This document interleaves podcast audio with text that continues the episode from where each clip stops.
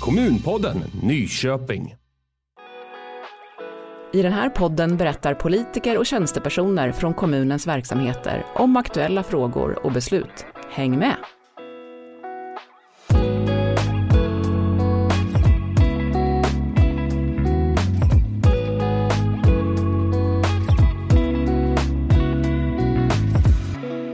Nu är vi tillbaka med avsnitt två av Kommunpodden Nyköping. Jag heter Annika Hedberg och är samtalsledare och med mig i studion har jag Urban Granström och Ahmad Eid, kommunalråd och Josefin Pettersson, säkerhetssamordnare i kommunen. Välkomna! Tackar. Tack. Tackar. När vi spelar in det här så är budgeten för nästa år en ytterst aktuell fråga. Pengar är ju viktigt. Hur ska de drygt 4 miljarderna som budgeten innefattar fördelas? Men eh, vi kommer att gå tillbaka till det om en stund. För först ska vi prata om trygghet och säkerhet i en kommun. Och det är självklart med tanke på det som har drabbat Nyköping den senaste tiden med både skjutningar och sprängningar som vi inte alls känner igen från vår kommun. Men nu händer det här och det händer i flera andra kommuner i landet. Hur går era tankar kring eh, gängkriminalitet och hur det eventuellt drabbar Nyköping? Jag skulle nog säga att det är eh, väldigt olyckligt såklart när saker och ting uppkommer och eh, det är ju väldigt allvarligt det som händer. Vi tar det på, på högsta allvar. Eh, sen det är klart att det väcker känslor både hos medborgare och även kommunanställda och oss politiker som sagt. Eh, så att man vill göra väldigt mycket när saker händer och, och agera såklart. Mm. Urban, hur tänker du kring det här? Nej, men det är klart att det känns bedrövligt. Samtidigt så vet vi vad som händer runt omkring oss. Så eh, det är väl klart att vi också försöker vara förberedda på det sätt man nu kan vara det för att något sånt här kan hända. Inte minst i den samverkan vi har med polisen. Men ja, det är klart att det inte känns bra. Och många blir ju oroliga förstås, även om man kanske egentligen inte behöver vara orolig för sin egen person. Men, men när det händer så mycket kring en väcker det oro. Vad vill ni säga till oroliga medborgare? Nej, men så här. Jag, jag, det är väl klart att man att, att vi förstår det och samtidigt så vi samverkar och, och samtalar med polisen och försöker skapa oss en bild av läget och man ska nog inte vara mer orolig än nödvändigt, men ha ögonen med sig och ringa polisen om, det, om man ser något ovanligt. Men jobbar vi tillsammans så, så, så är jag helt övertygad om att Nyköping kommer att fortsätta vara en trygg plats att, att bo och verka på. Det finns ju flera eh, redan etablerade samarbeten i kommunen, bland annat ett brottsförebyggande råd där ni som kommunalråd deltar. Eh, vad händer där, Ahmad? Det är en, en, en bra ett samverkansforum för oss, eh, skulle jag nog kunna säga. Eh, där polisen sitter med, där socialtjänsten sitter med, men även eh, så har vi företagare, eh, föreningar och organisationer som dels jobbar med frågan men också kan bidra till att vi kan eh, stärka vårt brottsförebyggande arbete och göra det mycket enklare också. Eh, och göra rätt insatser helt enkelt. Så att, eh, och där har vi ju en, eh, Brå har ju tagit fram en modell, SSPF, eh, som betyder egentligen eh, skola, socialtjänst, polis och fritidssektorn. Uh, och det är också en samverkansmodell som vi jobbar utifrån och som kommunerna också arbetar med.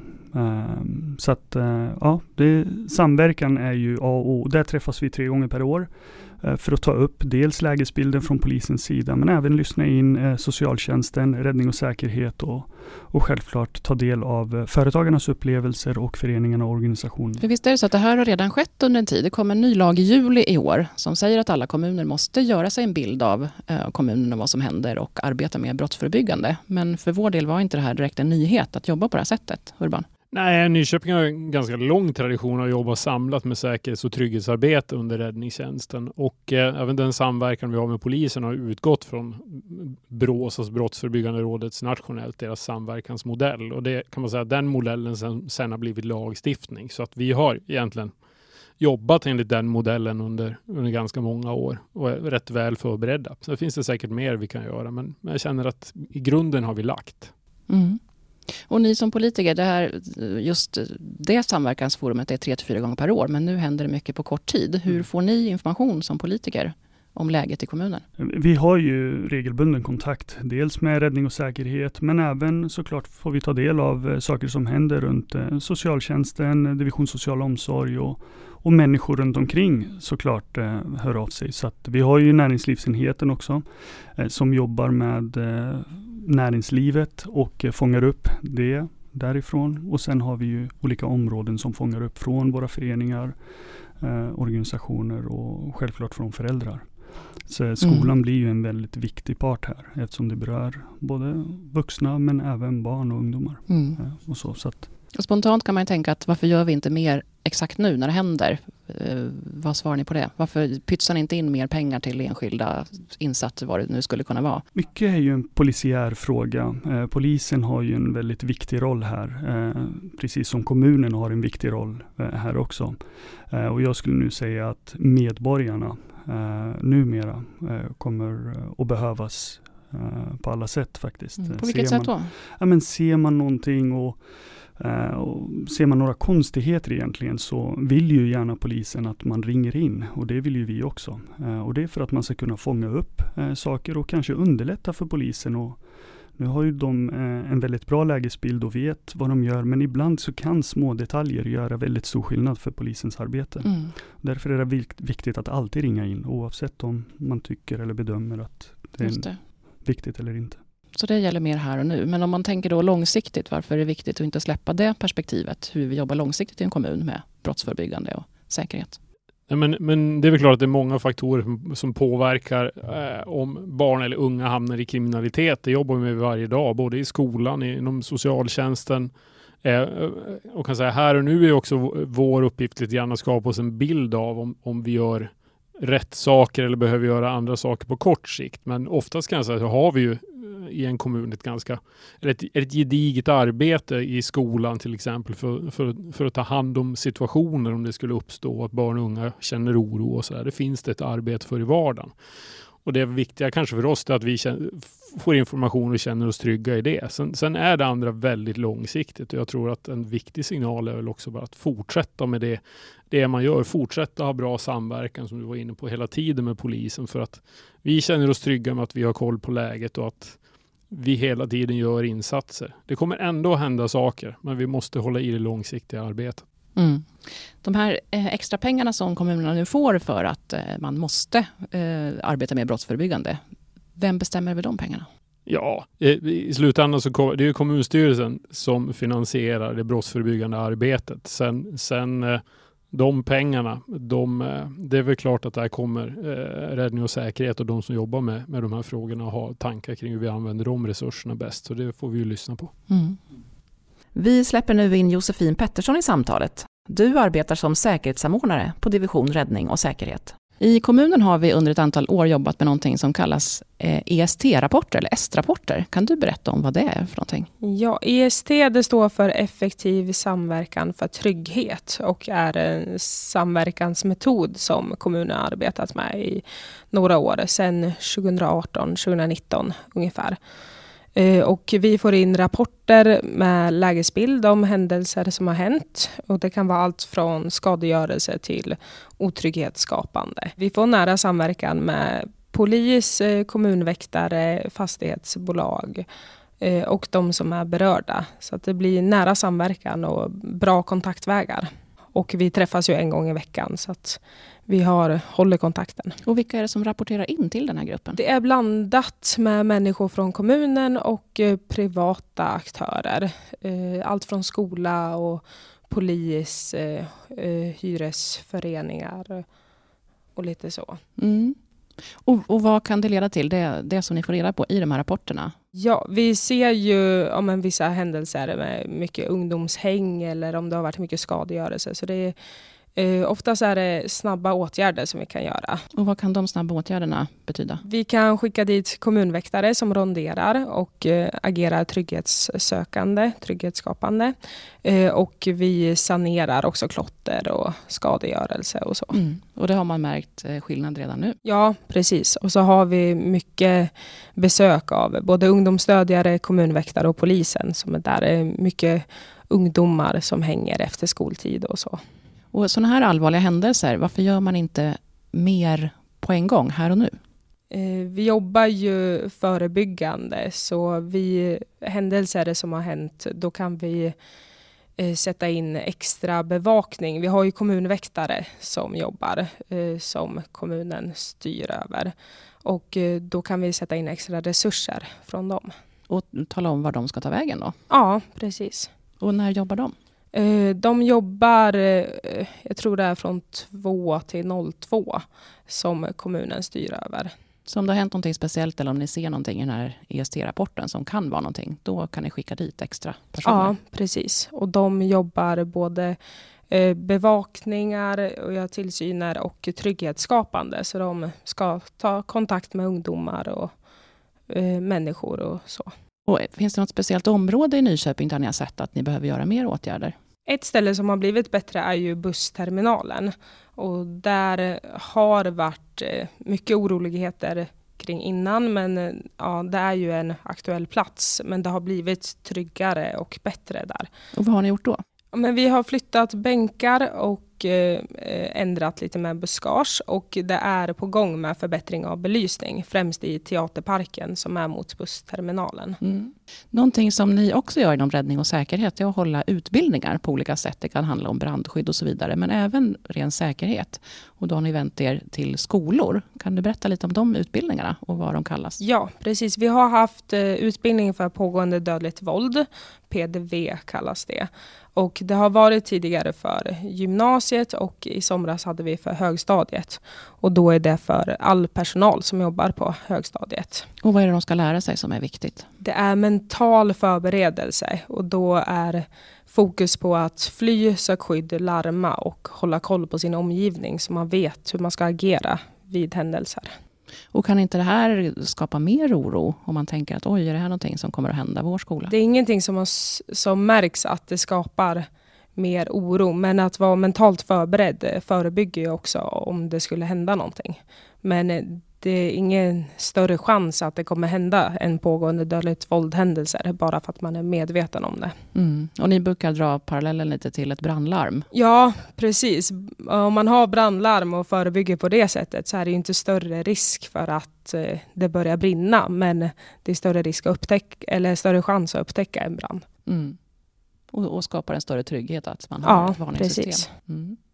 Toppen. Stort tack för att du var med. Ja, tack.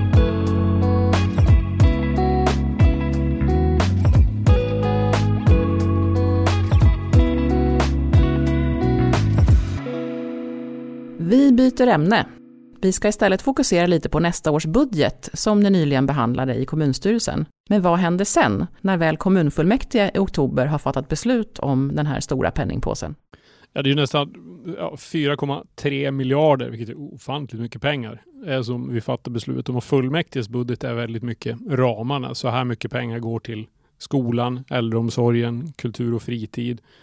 Sen ska ju de olika verksamhetsnämnderna bryta ner det där och och, och tala om vad de tänker göra med de pengarna som kommunfullmäktige fördelar. Så det är ju ett arbete som, som håller på men som, liksom, ja, som man sen ska föra i mål för att se till att vi gör, fortsätter göra bra saker även 2024.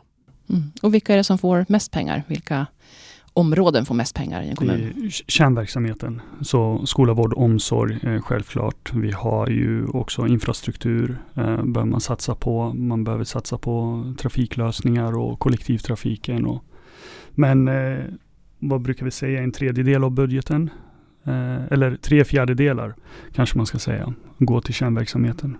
Ja, men det är sådär. Vård och omsorg, eh, barn och ungdomsnämnd, socialtjänst, de områdena, det är, det är 3,2-3,3 eh, miljarder eh, som går till det.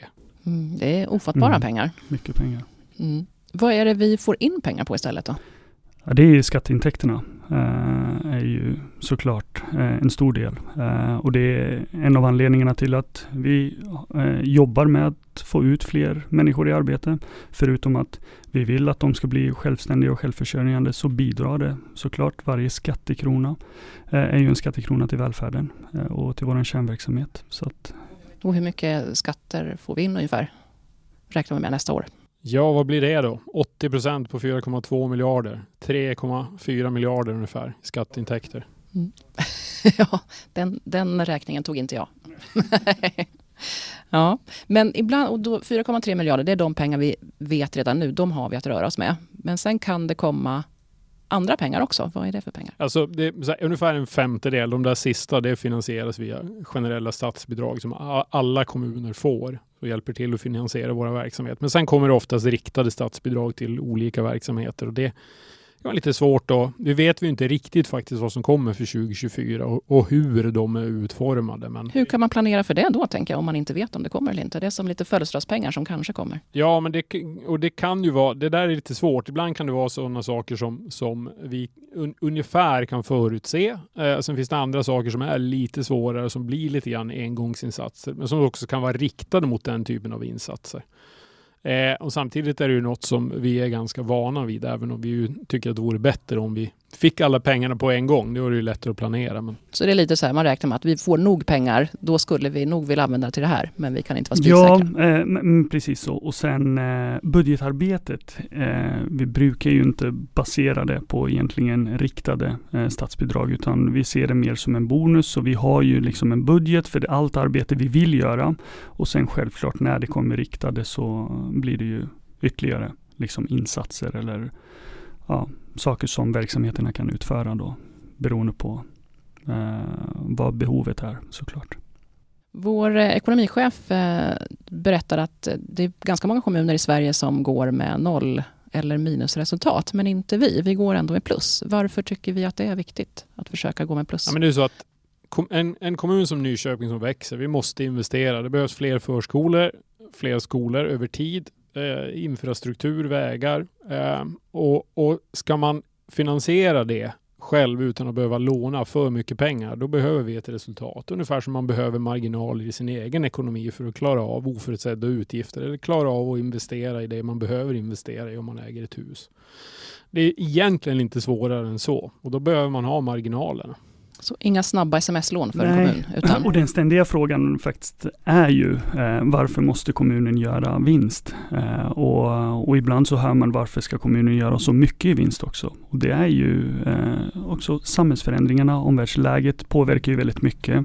Alla vet att alla kostnader ökar. Vi har eh, förutom våra räntor, våra pensionskostnader, men även eh, inflationen som är pådrivande där matpriser och allt annat går upp.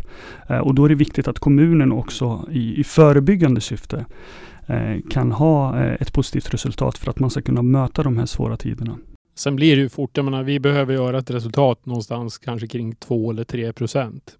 Det låter kanske inte jättemycket, men på 4,3 miljarder, då blir ju det någonstans 80 till 120, 130, 140 miljoner. Så det blir ganska mycket pengar också när man pratar om några få procent på en kommuns budget.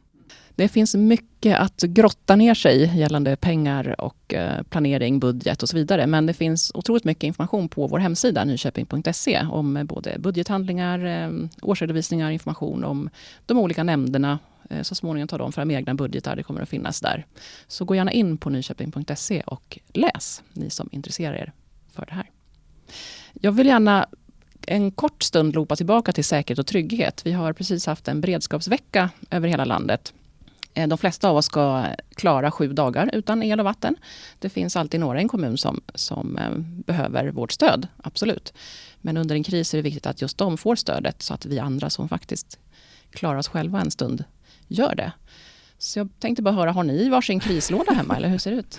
Eh, faktiskt så har jag det. Eh, jag tror att jag gick in på MSB, tror jag, så hade de vissa rekommendationer. Eh, det här bör du ha hemma. Har du något stalltips? Vad är det bästa du har tryckt ner i din krislåda? Jag har ju som en eh, förbandslåda där den är väldigt, väldigt, väldigt stor måste jag säga. Den innehåller allt. Urban, din krislåda, är den fylld av delikatesser? Nej, jag är nog inte riktigt lika förberedd som Ahmad ska jag säga. Men en del sådana lite ja, vatten och lite konserver och, och, och trangiga kök och sådär.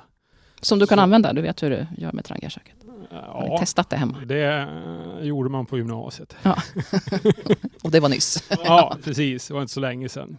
Men eh, sådär lagom förberedd. Eh, tändstickor och eh, ljus och ja, sådana där saker. Mm. Och det mesta är sånt som är bra att ha. Ja, men ibland man kan bli utan vatten. Elen kan försvinna kortvarigt och då är det bra att veta var tändstickorna finns. Annars ett riktigt bra tips är ju att lära känna sina grannar. Eh, för då vet man ju vem har en grill, vem har en såg, vem har kanske ett reservbatteri. Har ni bra koll på grannarna och vad ni kan bidra med och vad de oh kan ja. bidra med? Jag är ju en social varelse så att jag lär ju känna alla runt omkring mig. Eh, och så. Och eh, grannarna har jag väldigt bra koll på och jag känner de flesta. Eh, så att eh, Sen, så jag vet vilka som har gröna fingrar och vilka som har lätt för att ta sig an svåra projekt. Uh, och sen vilka som har svar på frågor. Det är ju väldigt tryggt. Jag har ju en väldigt bra mm. granne som har svar på väldigt mm. mycket om Nyköping. Okej, okay, ja men perfekt. Då vet vi vem vi ska höra oss till när vi har frågor också. ja. Har ni grannsamverkan hemma i kvarteret? Jo då, eh, det har vi. Faktiskt har vi med grannsamverkan. Eh, det finns någon, någon snickare och några andra som kan göra saker som inte jag kan. Men ja, lite koll på, på läget sådär. Och jag har grillen. Just det. Ja. ja. Ja men det är bra. Ja, men för kriser det är ju så, de tar vi oss igenom tillsammans. Absolut. Oavsett om det är akuta, allvarliga eller mindre Absolut. akuta. Bra. Jag tackar så jättemycket för att ni var med här idag. Och ser fram emot nästa avsnitt. Tackar. Nytt avsnitt släpps den första varje månad. Podden produceras av kommunikationsavdelningen i Nyköpings kommun med mig, Annika Hedberg, programledare och producent Alexander Palombo.